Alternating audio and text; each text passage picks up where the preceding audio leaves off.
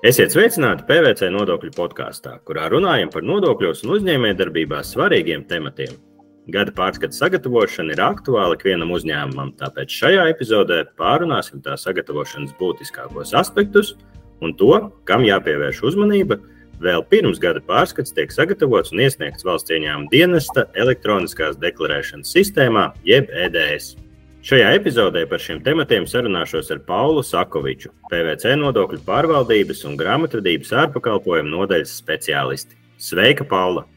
Labdien, Kalvi! Labdien, klausītāji!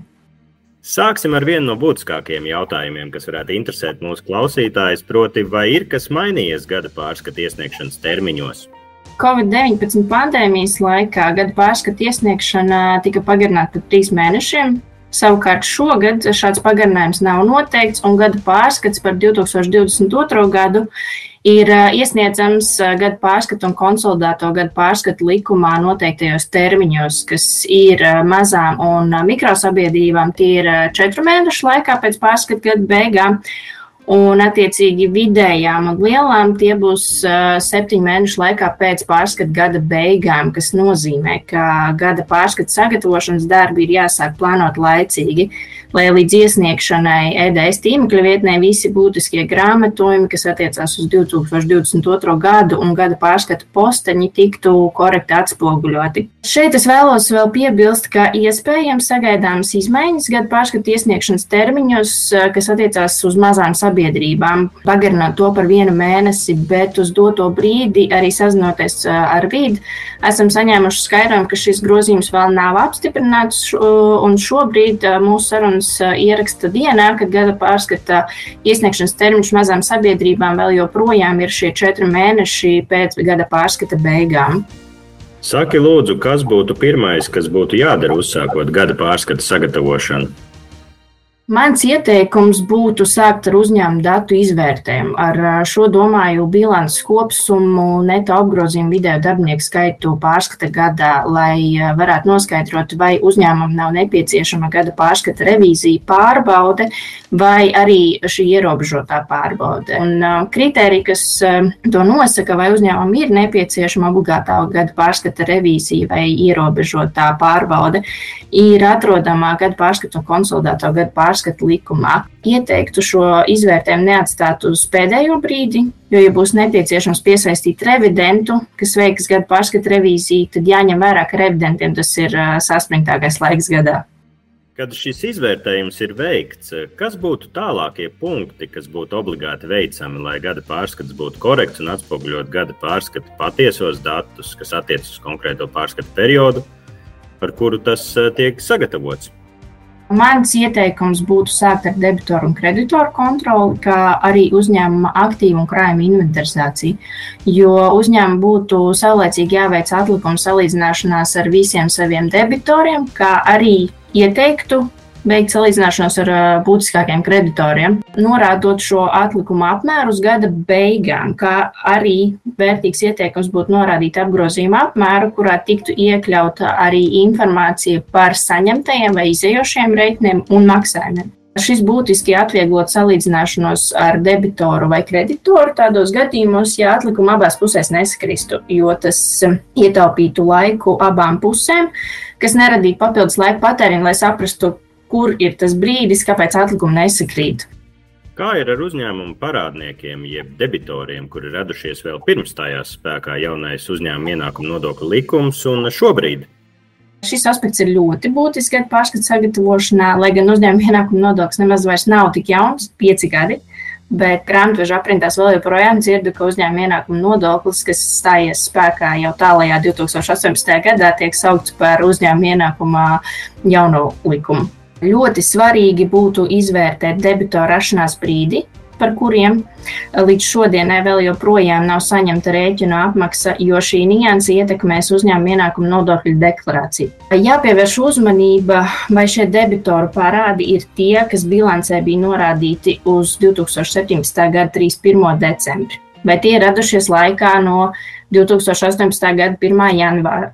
Tostarp arī tādi, kam tika izveidot uzkrājumi līdz 2021. gada 31. decembrim, uz kuriem vēl attieksies UN likuma 2022. gada marta grozījumi par to, ka UN seks iestājas uzkrājumam eh, sasniedzot 60 mēnešus.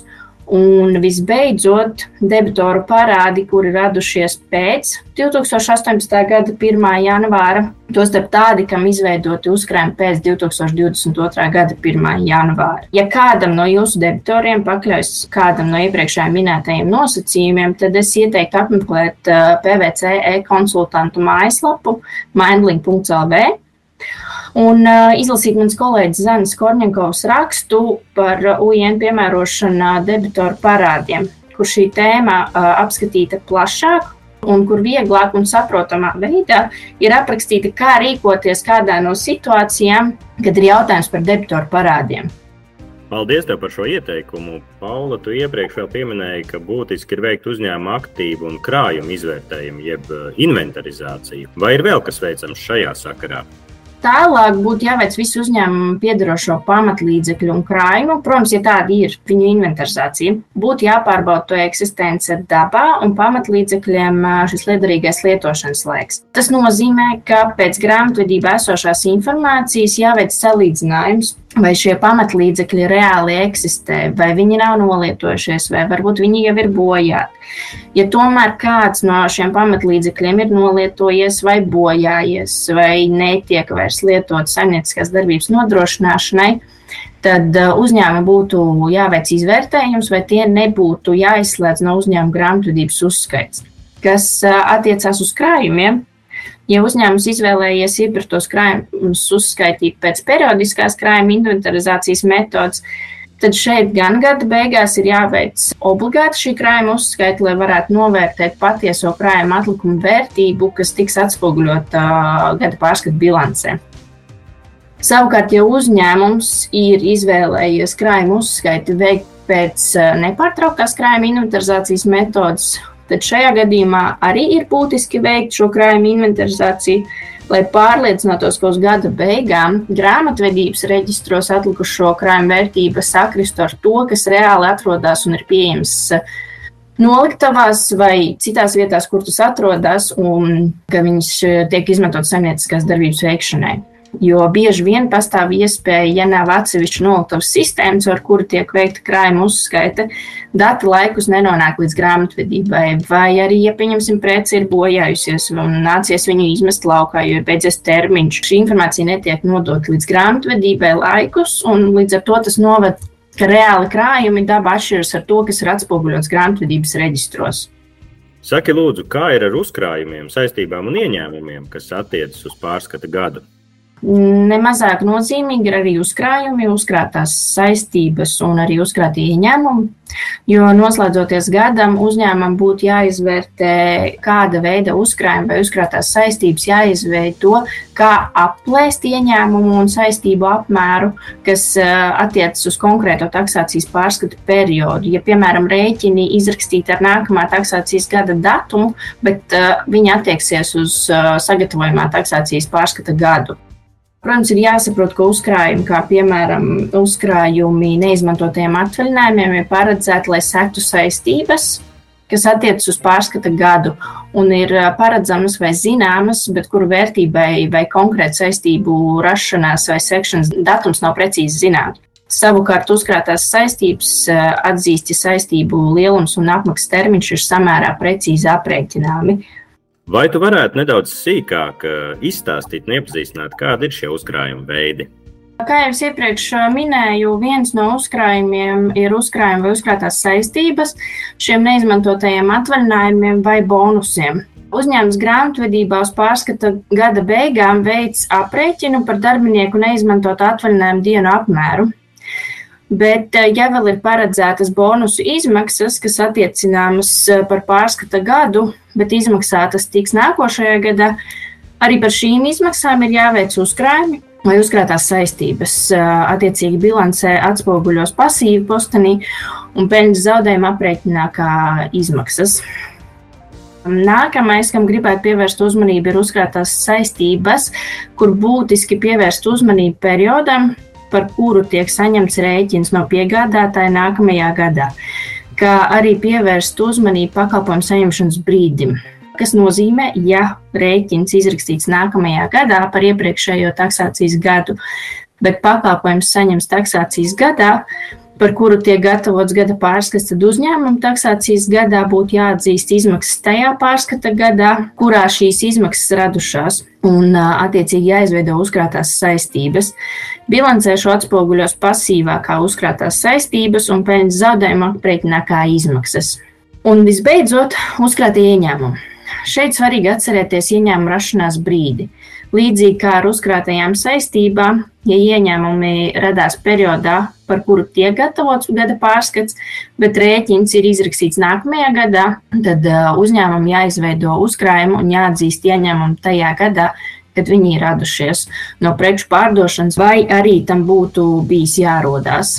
Bilancē tas tiks atspoguļots attiecīgi aktīvākā uzkrātie ieņēmumi, bet peļņas zaudējuma aprēķinā kā ieņēmumu. Saki, lūdzu, kādas ir iespējas gada pārskata izstrādē izmantot kādus automatizētus risinājumus? Grāmatvedības programmas lielākoties nodrošina automātisku bilances un peļņas vai zaudējuma aprēķinu sagatavošanu. Tomēr, atkarībā no uzņēmuma lieluma, gada pārskata izstrādes ietvaros jāsagatavo arī vairāk pielikumi, kuru sagatavošana mēdz aizņemt ilgāku laiku. Tādēļ noteikti ieteiktu un arī ir vērts apsvērt, kādas procesa izmaiņas iespējams ieviest, eh, lai atvieglotu pārskatu sagatavošanu. Tā skaitā kādu automatizācijas risinājumu. Tas noteikti var palīdzēt ietaupīt laiku mums ikvienam un uh, saviem klientiem esam palīdzējuši izstrādāt gan uh, Microsoft Excel pārskata sagatāves, gan arī risinājums ar dinamisku datu pārnešanu uz uh, Microsoft Word un automātiski importēšanu EDS. Rezultātā pietiek iekopēt kontu apgrozījumu, ja ir nepieciešams veikt pārklasifikāciju un ievadīt tekstu un pārskati ir gatavi gan vadības vajadzībām, gan ielādē EDS sistēmā. Ja mūsu klausītāji vēlas uzzināt, kā veikt uzlabojumus tieši viņu situācijā, aicinam iepazīties ar PVC gadu pārskata sagatavošanas rīku. Kā arī plašāku informāciju meklēt PVC e-konsultanta mājaslapā maidlin.lv. Papildus gribu vērst jūsu uzmanību un arī atgādināt, ka katram uzņēmumam būtu jābūt, un ja vēl nav, tad ar steigu ir jāsagatavo grāmatvedības politika. Lai jebkuram grāmatvedim, kurš strādā noteiktā uzņēmumā, būtu skaidrs priekšstats, pēc kādiem principiem vadīties. Jo grāmatvedības politika ir kā grāmatveža ceļvedis attiecībā uz uzņēmuma grāmatvedības kārtošanu un nozīmīgākajiem uzskaits principiem, kā piemēram ieņēmuma atzīšana, pamatlīdzekļu uzskaita, saistības, aktīvi un daudz citi principi. Ja uzņēmumā jau ir izstrādāta grāmatvedības politika, taču tā tikusi sagatavota pirms stājās spēkā jaunais grāmatvedības likums un tā saistošie noteikumi, iesaku gan grāmatvedības politikā, gan pašā gada pārskata pielikumos pārbaudīt un veikt nepieciešamos labojumus atsaucēs, norādot eh, spēkā esošos normatīvos aktus. Protams, šajā mūsu īsajā sarunā mēs nevaram izrunāt pilnīgi visas sastāvdaļas, kuras ir jāizvērtē un jāpārbauda, sagatavojot gada pārskatu, bet šeit nedaudz centos uh, ieskicēt to, kas būtu tās būtiskākās lietas, kam būtu jāpievērš uzmanība. Un uh, ceru, ka katram, kas klausās mūsu sarunu, būs kas vērtīgs, ko paņemt līdzi, vai šajā epizodē pārunāties atgādinās par kādu piemirstu gadu pārskatu sastāvdaļu. Jā, Paula, patiesi šajā īsajā sarunā varbūt nevaram pārnāt pilnīgi visu, bet liels paldies tev par tām atziņām un vērtīgajiem ieteikumiem, ar kuriem tu padalījies šodien ar mūsu klausītājiem. Un vēlreiz liels paldies tev par sarunu. Mūsu raidieraksta 29. epizodē par gada pārskatu sagatavošanas būtiskākajiem aspektiem, kuriem jāpievērš uzmanība gada pārskatu sagatavošanas procesā, sarunājos ar nodokļu pārvaldības un grāmatvedības ārpakalpojumu nodaļas speciālisti Paulu Sakoviču. Mans vārds ir Kalvis Gavars. Paldies, ka klausījāties un uz tikšanos nākamreiz. Lai jums veicās!